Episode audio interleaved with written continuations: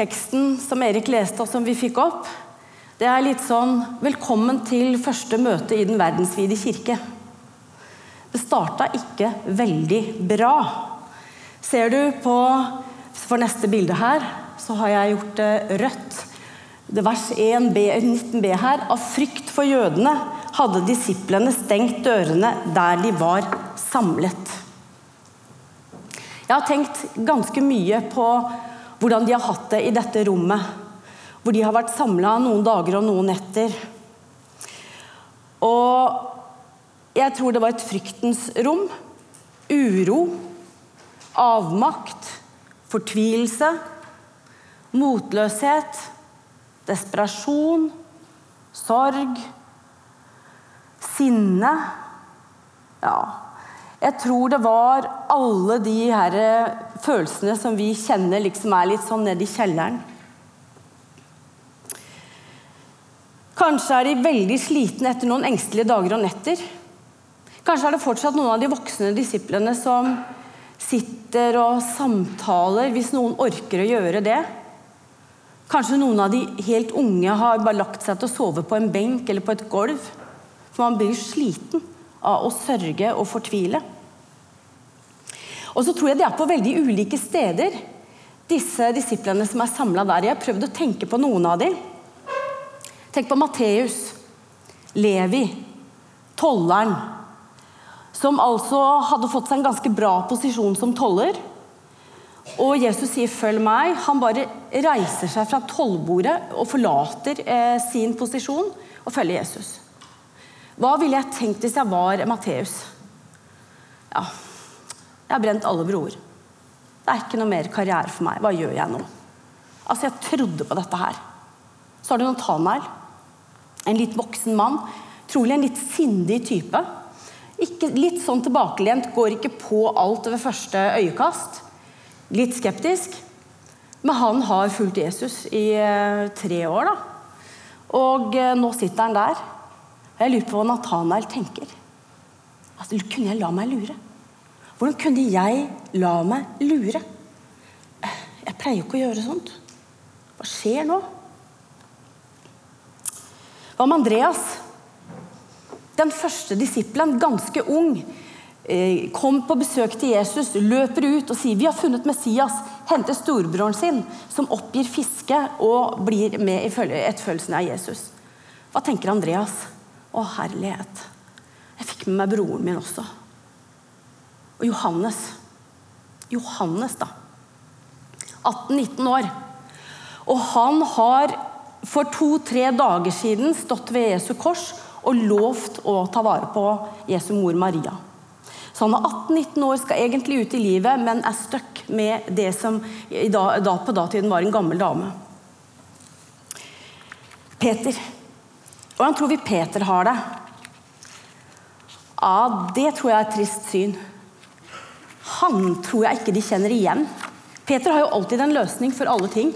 Ikke sant? Kom med et forslag og har en plan. Og Nå tror jeg det er tomt og stille.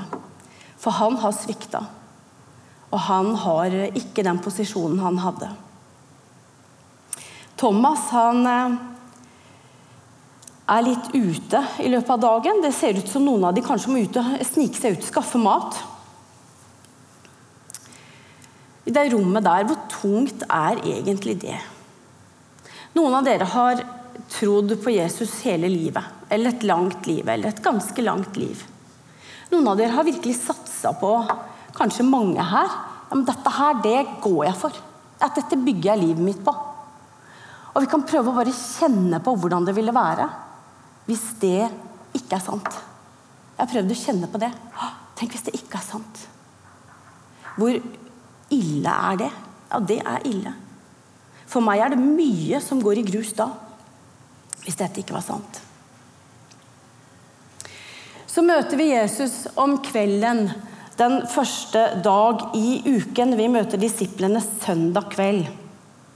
Og Det er første dag i uken i eh, Israel. Og de har feiret altså De har hatt påskemåltidet. Og de har hatt en ekstra hellig sabbat. Og de har gått inn i de usyrede brøds høytid. Og denne søndagen har starta ganske rart. De er jo der i dette rommet sitt, som er fullt av alle mulige følelser. Og så på morgenen, søndag morgen er det noen som har banka på døra. Noen damer. Du, graven er tom. Vi har vært der ute.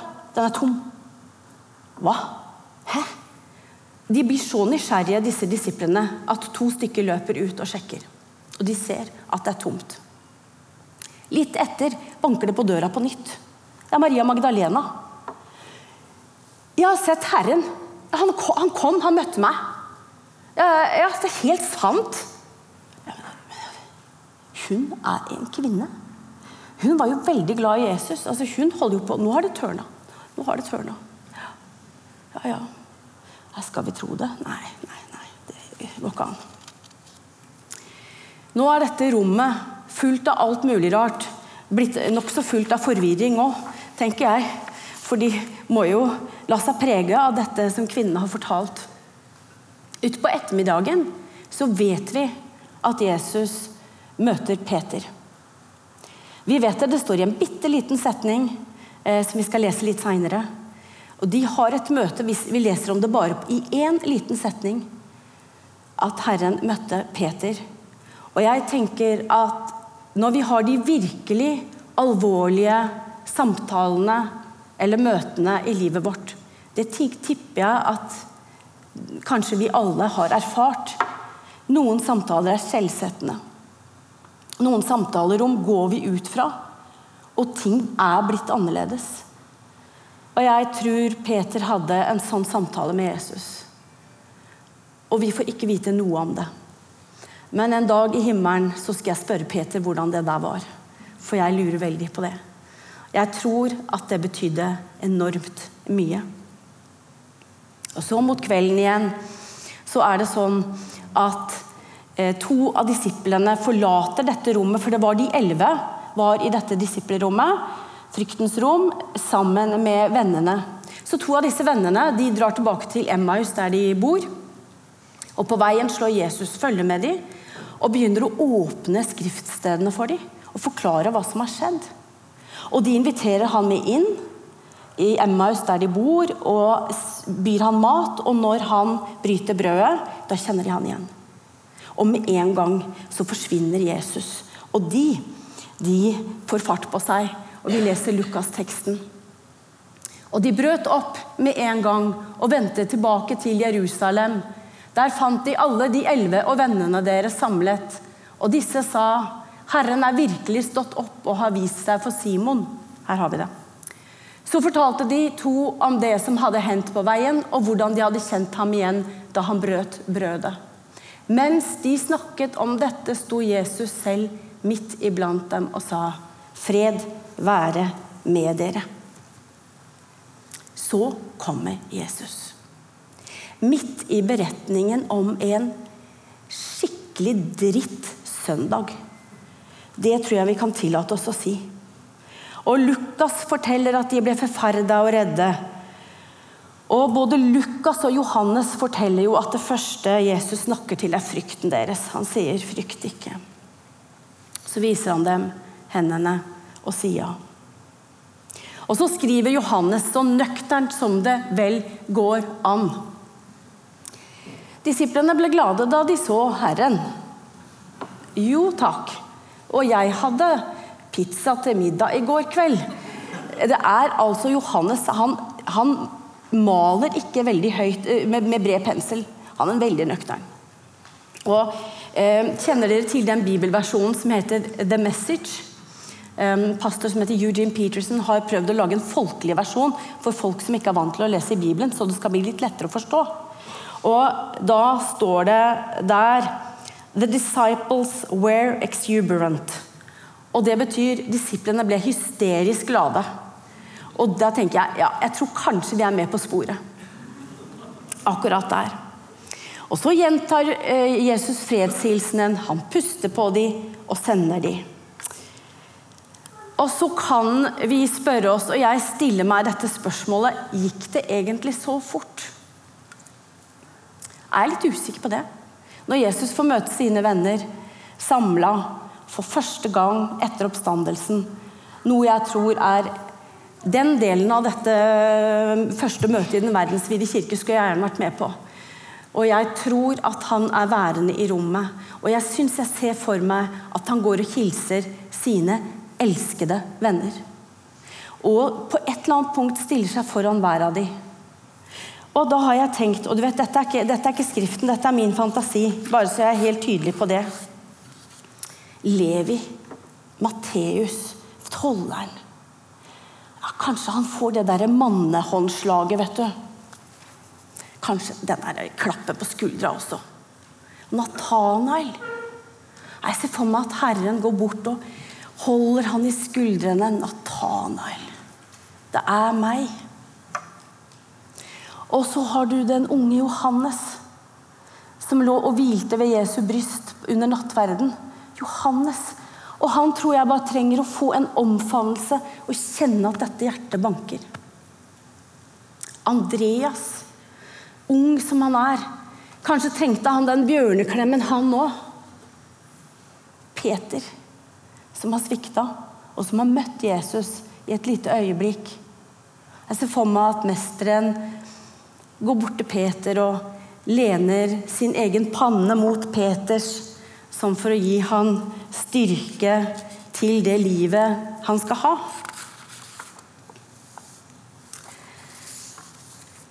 I livsrommet, dere, så kommer Herren og hilser oss. Vi har våre livsrom. Vi har våre kjellere.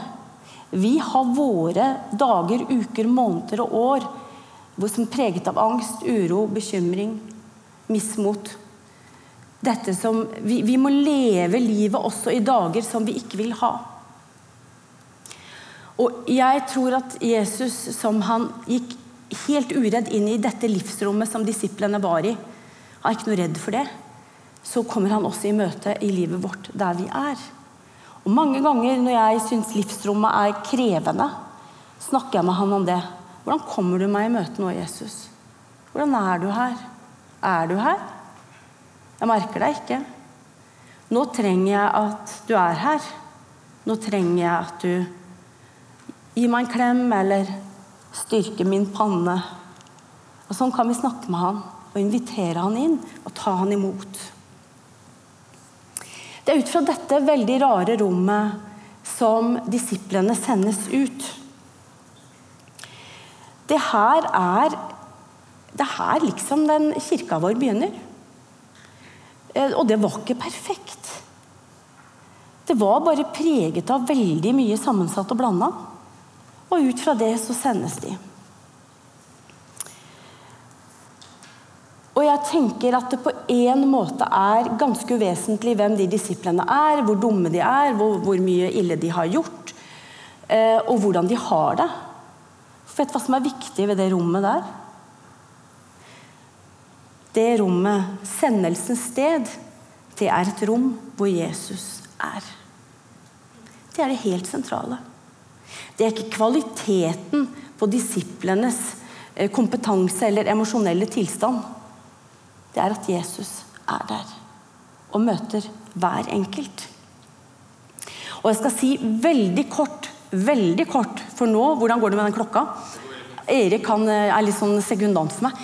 Eh, det er fem eh, ting, karakteristikker som jeg syns denne sendelsen har. Så nå kan vi bare få opp den neste plansjen. Og jeg skal ikke snakke mye om dette. Hvis du kan ta det med ro. De sendes ut i glede. De sendes ut med fred. De sendes ut med Den hellige ånd. De sendes ut med et oppdrag. Og de sendes fra sendelsens sentrum, som er ut fra en relasjon. Og først om gleden. Om gleden som veiviser. Er vi alltid glad? Nei, Dere smiler. Det betyr det ja, eller? Nei, det gjør ikke det. vet du. Vi er ikke alltid glad. Vi mennesker er ikke alltid glad. Ja, Betyr det at vi liksom bare kan være Jesu medarbeidere og venner når vi er glad? Selvfølgelig ikke. Men gleden kan i livet våre være også en dypere veiviser. En klok mann snakket om det kjærlige tilbakeblikket på dagen eller uka. Når en dag eller en uke er gått, går det an å stille seg spørsmålet hva i denne uka rørte ved min glede og mitt livsmot? Og hva i denne uka rørte ved mitt mismot? Og så kan man bli litt værende i det. Og da tror jeg noen ganger at vi kan ha vært borti gleder vi ikke merket. For vi stoppa ikke opp ved de, fordi livet gikk så fort videre. Men det kan være en øvelse for oss mennesker å øve på å stoppe opp ved og takke for å være sammen med Jesus med disse bitte små og store øyeblikkene av glede som vi kan erfare. Og gleden kan være med å gi oss en retning i livet. Det andre punktet de sendes ut med fred. Av de disiplene som fikk fredshilsen, de levde ganske røffe liv etter, eh, etter at Jesus forlot jorda.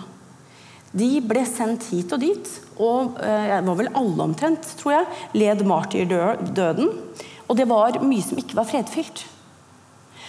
Og Sånn er det med oss også. Livet er ikke alltid fredfylt.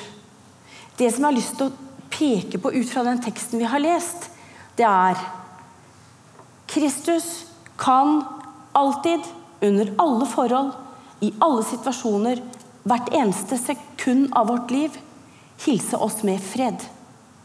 For han er fredsfyrste. Og vi føler ikke alltid fred, men vi kan alltid på en eller annen måte stille oss foran han og si 'Jeg trenger din fred'. Hils meg med fred. Og lese fredshilsen til hverandre. For den myndigheten har han. Det tredje er Den hellige ånd. Han puster på disiplene og sier 'ta imot Den hellige ånd'. Og det er en pusten og ånden. Jeg syns det er herlig at han puster på dem når han sender dem ut. For pusten Gud er så nær oss som vår livspust. Og ånden er med oss hele tida. Hvert, hver minste lille flik av, vår, av våre liv. Han sender oss med sin ånd og med sitt nærvær. Det fjerde punktet er de sendes med et oppdrag. Og Disiplene de, eh, de fikk jo et stort oppdrag som handler om befrielse, og man kan binde og man kan løse. Og Dette er store teologiske spørsmål som man ikke snakker om ett minutt på en gudstjeneste. Men vi er alle sendt ut med et oppdrag som handler om å velsigne. Eh, Ta imot Jesu kjærlighet og være med å gi den videre på ulike måter. Og det fins uendelig mange ulike måter vi kan få være Herrens medarbeidere. Det er stort og smått. Og eh, Jeg gikk en gang gjennom Bibelen fra byggingen av tempelet og ut til Nytestamentet. Og så på ulike tjenester og satte dem opp i en ordsky. Jeg fikk over 100. Det var en gammel dame i menigheten på Nesodden som jeg var eh, pastor akkurat da som kom til meg etter talen og sa det er ikke ett menneske som ikke har en eller annen oppgave. Eller som har noe som man kan bidra med. Og vi sendes til helt ulike ting. Noen sendes hjem til sin familie, kanskje som Johannes til en gammel mor. Til barn, til naboer, til kollegaer. Vi skal få leve livet der hvor vi er, sammen med Herren, og se hva som skjer og hvordan han velsigner gjennom oss. Det siste punktet, sendelsens sentrum, er ut fra en relasjon. Og det er det mest sentrale punktet. Det er at vi alltid vender oss tilbake til Han. Alltid kommer tilbake til Kristus. Han er vårt hjemsted. Det er utgangsposisjonen. Det er der vi trenger som mennesker å øve på å stå ansikt til ansikt med livet vårt. Det betyr å invitere han inn i smått og stort.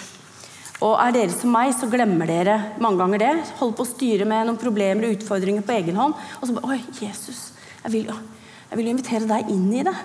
Eh, og så er vi ikke alltid vi husker det engang. Eh, noen husker det veldig lett, mye lettere enn andre. Men å vende alt i vårt liv mot Herren og stå der, ansikt til ansikt, med Han som er usynlig. Som vi ikke kan se men som er hos oss. Teksten vi har lest i dag, det viser en herre og mester som ikke er redd for menneskelivet. Som går rett inn i et rom som stinker av angst og skitne, ekle kropper som har vært der i mange dager. Og møter de og tar de imot og gir en klem. Og inn i dette ikke-perfekte rommet er det han møter, elsker sine venner og sier nå går vi sammen, dere. Nå går vi sammen ut i verden. Og så er det starten på kirken. Og fortsatt inviterer han hver av oss til fellesskap, til relasjon. Og han hilser oss med frykt ikke. Og han sier 'ta imot Den hellige ånd'. Som far har sendt meg, så sender jeg deg. Vi går sammen. Og livet kan være opp, og det kan være ned. Og det er helt ufarlig for han, for han er med i alt.